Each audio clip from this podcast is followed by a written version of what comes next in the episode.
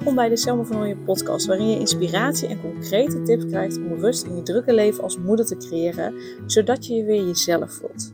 Mijn naam is Selma Michielsen van Nooyen en ik help moeders met jonge kinderen die niet meer alleen maar moeder willen zijn, maar die zich weer zichzelf willen voelen. Ik help hen van een opgejaagd gevoel naar rust. Heel veel luisterplezier.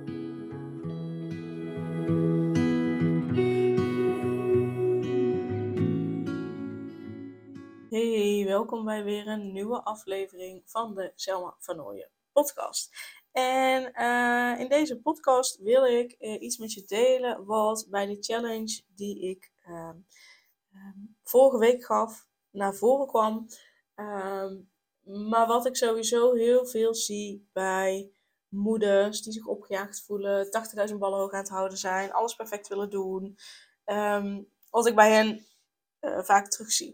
Het ging namelijk over uh, tijd voor jezelf nemen. Uh, dat het belangrijk is om op te kunnen laden, om rust te kunnen voelen, om weer energie op te doen, zodat je nou ja, er voor de volle 100% weer voor je kinderen kan zijn vervolgens. En um, wat daarin naar boven kwam, is dat iemand aangaf van ja, maar ik heb geen tijd. ze heeft drie kinderen in verschillende leeftijden, ook eh, ook uh, jonge kinderen zitten ertussen. Die hebben allemaal hun eigen agenda, uh, hebben allemaal hun eigen afspraken, dingen. Um, en dat ze ja, geen tijd had om tijd met zichzelf door te brengen, op te laden. ja, want er is altijd wel iets te doen, altijd wel iemand om aandacht vraagt, dat soort zaken. En um, daar heb ik op gereageerd en ik wil eigenlijk mijn visie daarop Ehm, met je delen. En ik heb de afgelopen tijd al meerdere keren een, um, een, uh, een, een uh, podcast opgenomen over als je moeite hebt met tijd voor jezelf nemen, dat soort zaken. Maar omdat dit specifiek ook nog naar boven kwam, dacht ik, ik wil hier nog een podcast over opnemen. Want ik heb hier wel een beeld bij. Um, even los van mijn visie, wil ik je bij deze ook aangeven ik snap het. Ik snap dat het voelt alsof je geen tijd hebt. Uh, want waarschijnlijk ben je van hond naar her aan het rennen. Uh, wil je aan de agendas van de kinderen voldoen. Uh, die hebben waarschijnlijk allemaal. Nou, gaan ze naar school of naar de opvang? Um, gaan ze naar de sportschool? Of naar sportschool, naar een sport? vriendjes en vriendinnetjes. Weet ik veel wat voor dingen die kinderen allemaal hebben. Nou, dan heb je daarnaast waarschijnlijk zelf ook nog werk, sociale verplichtingen. Uh, misschien ook wel een partner die om aandacht vraagt. Uh, je je uh, familie die misschien ook nog wel om aandacht vraagt. Dus zelf wil je misschien ook nog wel sporten. Ehm, dus ik, ik snap dat het voelt alsof je geen tijd hebt. Dus die wil ik wel echt met je delen. Um, dat ik hè, je daarin niet wil afschieten of zo. Of wil zeggen dat je het niet goed doet. Nee, juist net niet. Want ik snap echt oprecht dat dat zo voelt. En daarbij benoem ik ook heel bewust dat ik snap dat het zo voelt. Uh, en zeg ik heel bewust niet dat het zo is. Want iedereen heeft evenveel uren in een dag. En de een die lijkt het altijd druk te hebben. Um, en de ander die heeft ook genoeg te doen. Maar daarbij lijkt het niet alsof hij altijd veel te doen heeft of het druk heeft of wat dan ook. Um, dus daar zit een groot verschil in. Er zit een heel groot verschil in hoe je het beleeft. Of je het inderdaad beleeft als je, alsof je uh, uh, geen tijd hebt, niet genoeg tijd hebt.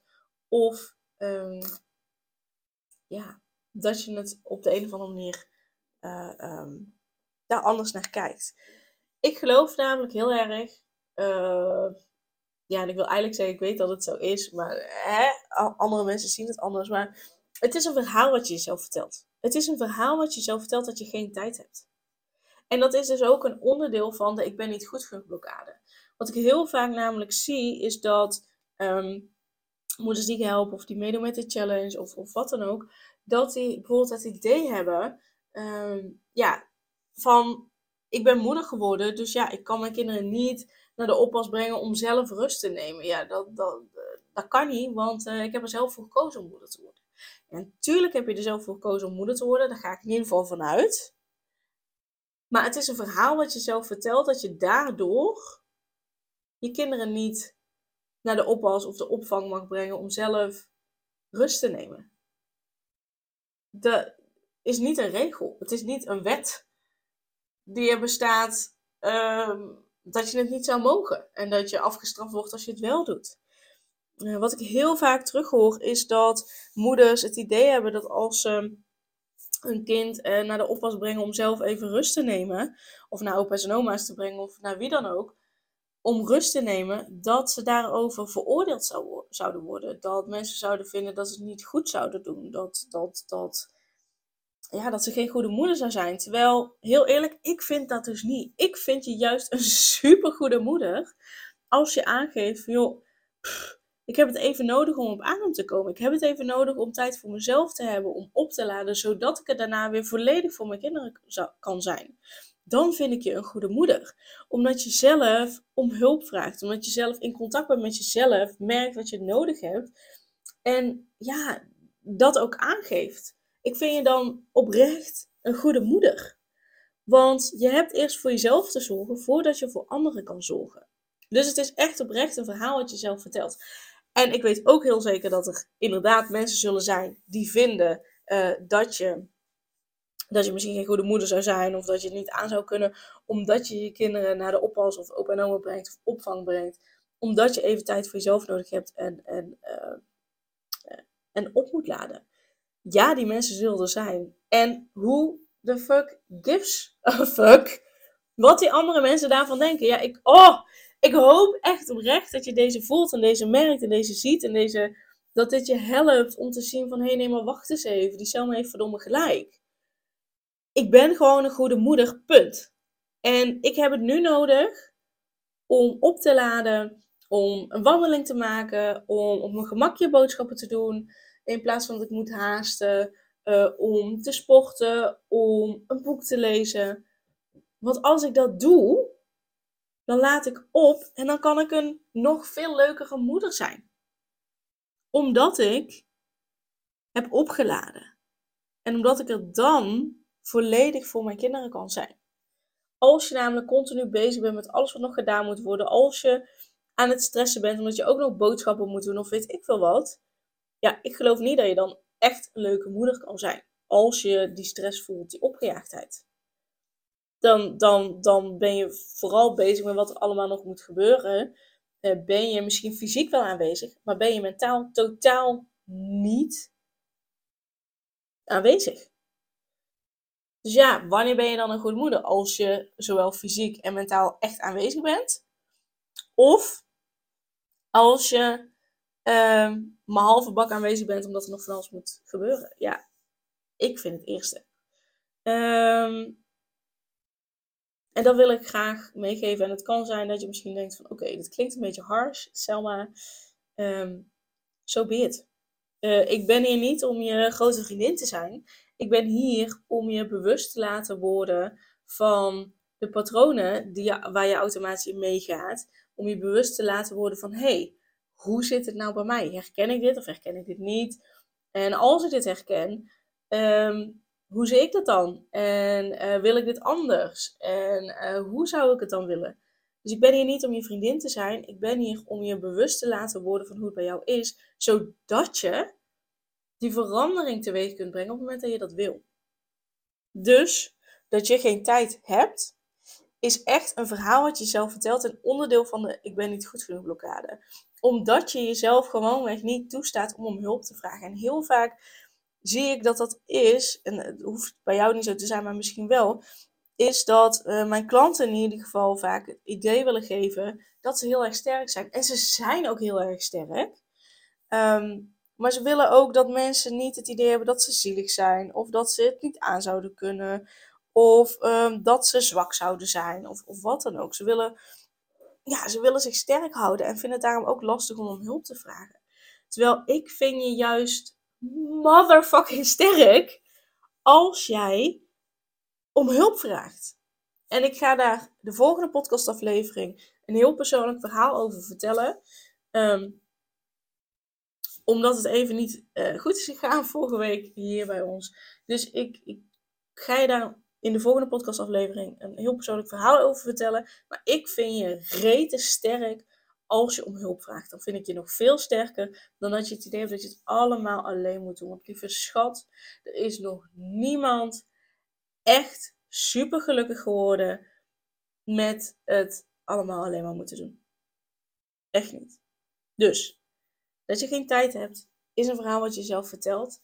Tijd heb je te creëren. Tijd heb je gewoonweg te creëren. En je hebt 24 uur in de dag, dat is voor iedereen hetzelfde. Dus daar kun je niet meer van creëren.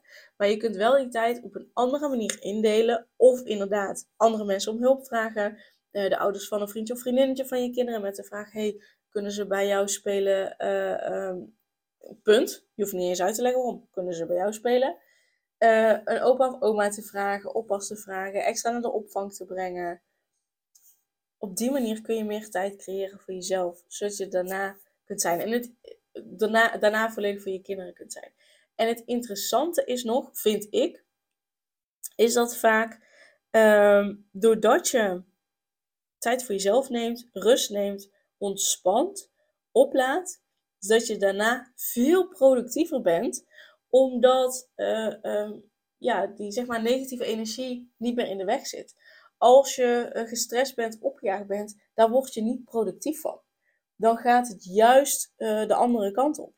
Omdat er nog zoveel dingen in je energieveld zitten. Omdat er nog zoveel dingen onbewust om aandacht vragen. Um, word je daar hartstikke totaal niet productief van. En op het moment dat je oplaat, uh, dan ontstaat er ook ruimte, maar dan heb je ook voldoende energie om veel efficiënter te werken. Dus kun je ook veel meer gedaan krijgen. Dus ook dat wil ik je meegeven. En het kan heel erg te maken hebben met een, uh, een familiepatroon waar je last van hebt. Want uh, het kan zijn dat jij van huis uit hebt meegekregen dat het niet oké is om om hulp te vragen. Dat je het allemaal alleen moet doen. Dat je sterk moet zijn. Dat, dat ze vanuit vroeger heel erg gehaast waren ook. Dus dat je dat hebt overgenomen. Dus dat kan er ook in meespelen. En laat ik dan iets heel erg tofs voor je hebben. Ehm, ik wil weer een familieopstellingenochtend organiseren. Die heb ik in december heb ik de basisopleiding afgerond. In september ga ik de verdiepingsopleiding volgen. En ik wil in de tussentijd zoveel mogelijk vlieguren maken, verschillende onderdelen eigen maken van een opstelling. En dus wil ik nog een uh, opstellingenochtend organiseren. Ook deze is gratis. Um, dus heb je hier interesse in, laat me even weten. Want de exacte details, uh, daar ben ik nog heel even aan het puzzelen uh, wanneer het het handigste is. Uh, ik wil het waarschijnlijk wel in februari deze maand doen. deze maand, dit jaar doen. dus februari 2024. Dus heb je interesse, stuur dan even een mailtje naar info.selmavernooien.nl En ik zal het ook even in de show notes zetten. Dat je een mailtje stuurt met weet ik veel, proefpersoon, familieopstelling. En dan laat ik het je even weten. Misschien tegen de tijd dat je mailt dat ik al een exacte datum heb. maar ik zit te twijfelen of ik het op een vrijdag of een zaterdagochtend ga doen. maar als je interesse hebt, stuur even een mailtje zodat we dat patroon kunnen gaan doorbreken zodat je rust voelt. Zodat je gewoon echt jezelf kan zijn. Vanuit liefde, vanuit rust, vanuit relaxheid, vanuit energie. Dat, uh, ja, dat wilde ik je nog meegeven.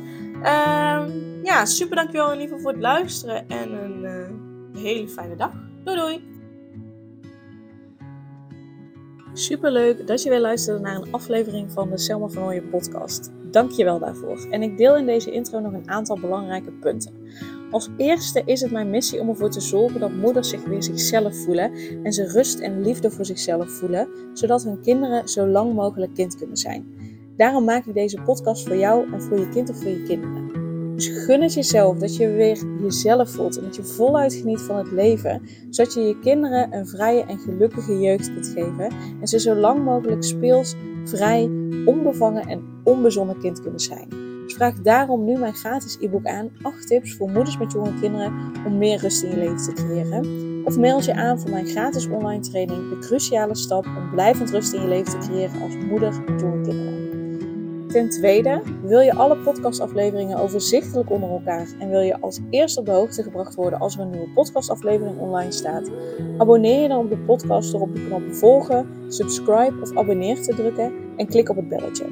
En ten derde, Ondersteun je mijn missie en wil je ook weer jezelf voelen, zodat je kinderen zo lang mogelijk kind kunnen zijn? Laat dan een review achter in de podcast-app via waar je deze afleveringen luistert. Want hoe meer reviews, hoe beter de podcast vindbaar is en dus hoe meer moeders en kinderen ik kan helpen. En tot slot, ken je andere moeders voor wie deze podcast interessant zou zijn? Deel dan gerust een aflevering met hen of deel een screenshot van deze aflevering op je social media. Wil je mij een vraag stellen of wil je contact opnemen? Dan kan dat via info.selmavernooien.nl Nogmaals, super dankjewel voor het luisteren en tot de volgende keer.